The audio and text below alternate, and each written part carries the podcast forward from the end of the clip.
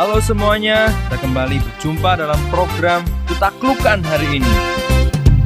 Tabur-tabur, marilah menabur, menabur. Di depan para nelayan dan petani, Tuhan Yesus berkata, "Kamu adalah terang dunia. Fungsimu menerangi rumah, menerangi jalan atau menerangi kota." Menjadikan cahaya hanya sebagai penerang rumah atau penerang kota sudah sangat kuno sekali.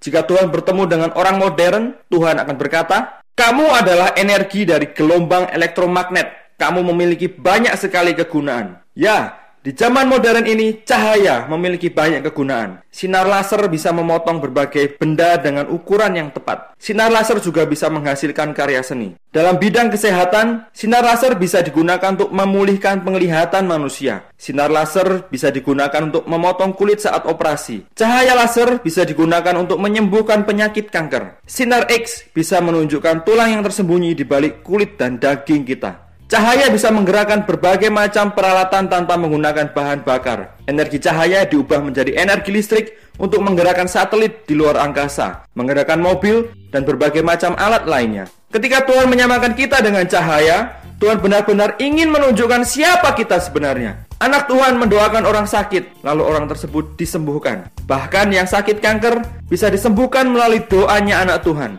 Anak Tuhan menjadi pemimpin yang memberi energi bagi banyak orang, menggerakkan masyarakat untuk hidup lebih baik dan lebih sejahtera. Jangan remehkan diri kita. Tuhan Yesus berkata, "Hendaklah terangmu bercahaya, terangmu harus bersinar."